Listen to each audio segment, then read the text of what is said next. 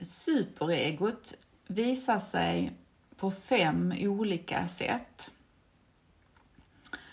Och det är viktigt att få, få syn på hur ens eget superego opererar. Alltså med superego menar jag den här inre kritikern som vi utvecklade när vi var väldigt små och som vi har som vår inre vägledare.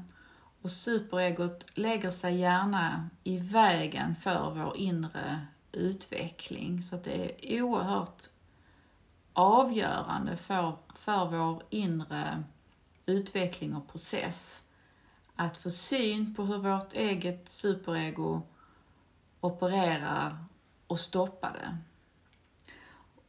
Och superegot kan visa sig genom att det dömer andra.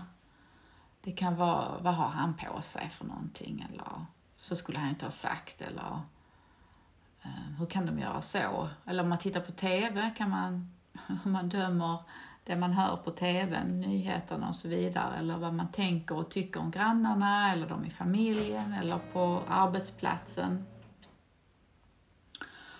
Och eh, det andra sättet är att den kraften som man Eh, då använder i vissa fall för att döma andra utanför sig själv, man vänder den kraften och dömer sig själv, pratar elakt till sig själv och eh, där är det jätteviktigt att verkligen bokstavligen skriva ner hur just ditt superego pratar till dig.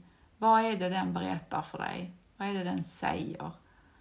Det kan vara meningar som att du är ju helt värdelös eller det borde du ju ha tänkt på. Alltså i den tonen. Väldigt elakt är det och det är därför det är så viktigt att få stopp på det. Och ett eh, tredje sätt som den eh, opererar på är att den eh, jämför sig med andra, både i positiv mening och, och negativ mening. Att du är inte lika bra på att cykla som din kompis eller du har inte, har inte lyckats lika bra i livet som din granne eller eh, på jobbet att du inte är lika snabb eh, som din kollega och så vidare. Så att då i de fallen som jag tog nu så dömer du, eller jämför du eh, dig själv till din egen nackdel. Sen kan man göra precis tvärtom, man kan jämföra sig med andra till sin egen fördel. Att, ehm, ja men jag är nog den mest ehm, medvetna ledaren här nu i det här rummet.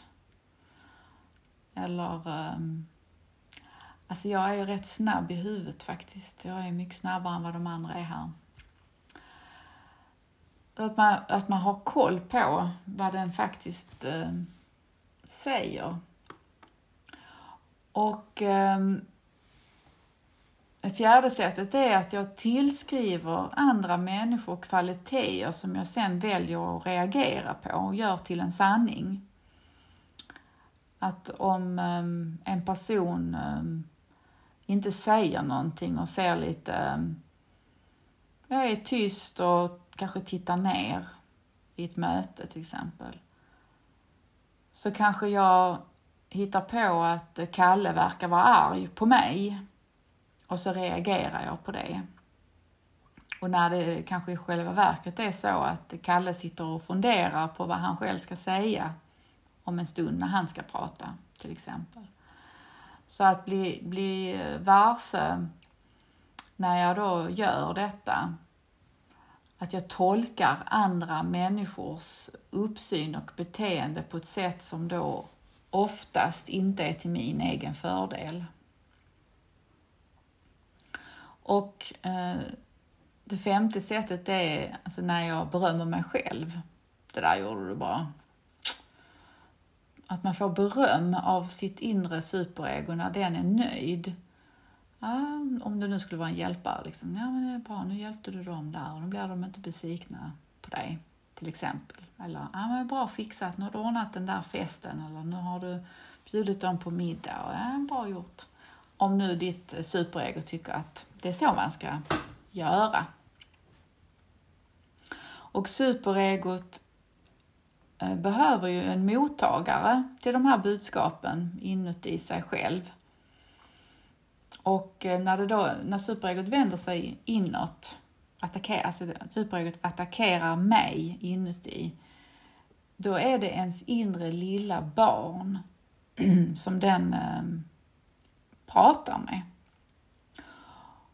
Och om jag tar emot det här, den här attacken inuti mig så blir jag liten. Jag blir en liten pojke eller jag blir då en liten flicka om jag nu är kvinna. Och jag kanske känner mig då besviken, ledsen, sorgsen och så tappar jag min kraft. Jag tappar all energi och jag tror att det här är sant. Jag identifierar mig med det som mitt superego berättar för mig. Jag, jag blir det. Och det är den här inre funktionen som, som är så hjälpsam att få syn på hur den fungerar så att vi därmed också kan börja eh, bryta detta mönstret. Och när vi då börjar alltså, eller se det här inre beteendet, då, då kan vi bli observatören. Vi kan observa, observera inne i oss själva hur det här fungerar och därmed distanserar vi oss ifrån det. Och vad som kan eh, fungera att bryta, för vissa så, så fungerar det att man säger bara stopp eller sluta till superegot. Absolut inte argumentera med det på något vis. Så fort du börjar argumentera med det så har du liksom spett på energin, då är det fast. Så ingen argumentation eller förklaring till in, inre förklaring eller bortförklaring eller så. Bara stopp. Man, man säger stopp, det räcker nu och sen inte mer. För vissa funkar det att göra så. Eh, för andra så kan det vara hjälpsamt att man eh, kollar vad är det som faktiskt har hänt. Till skillnad från hur är min tolkning av det som har hänt. Och när jag kan, när jag kan urskilja den, den objektiva verkligheten av vad som har hänt och sen att jag kan se hur jag har tolkat den här händelsen då kan det vara förlösande och jag kommer ur den här superegoattacken.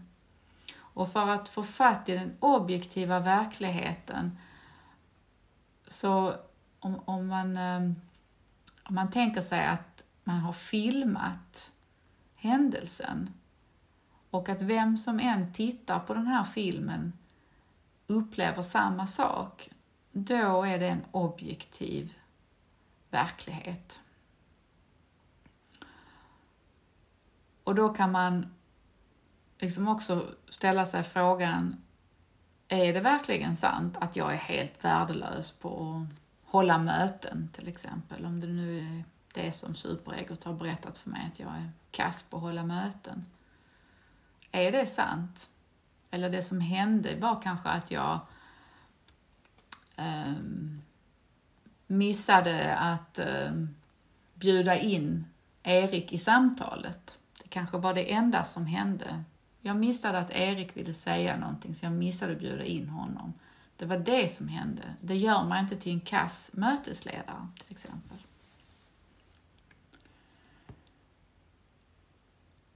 Så att börja observera sitt eget inre superego eller inre kritiker som vissa kallar det, eller ens inre domare eller ens inre förälder eller ens inre lärare. Det finns olika namn på den här funktionen.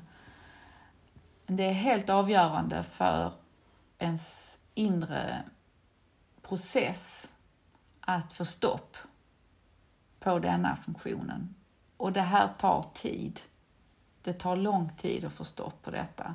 Men ju mer vi tränar på det, ju mer vi arbetar med det, desto mer fri blir vi från dess framfart. Och sen kan vi till sist höra hur den, den här funktionen muttrar i bakgrunden fast den har en, inget grepp på oss längre. Och att eh, nu i början när man börjar jobba med detta, alltså känna dess effekt. Liksom hur ont det gör. Liksom, au! Det här gör ont, det här skapar svåra känslor. Kanske blir ledsen, besviken, tappar energi och så vidare, vill inte mer. Eller så kan det skapa liksom att man blir rebell, man ska liksom göra precis tvärtom. Jag ska inte träna, jag ska inte göra någon yoga, jag ska inte vad det nu är, för att man ska liksom sätta sig upp mot den här funktionen.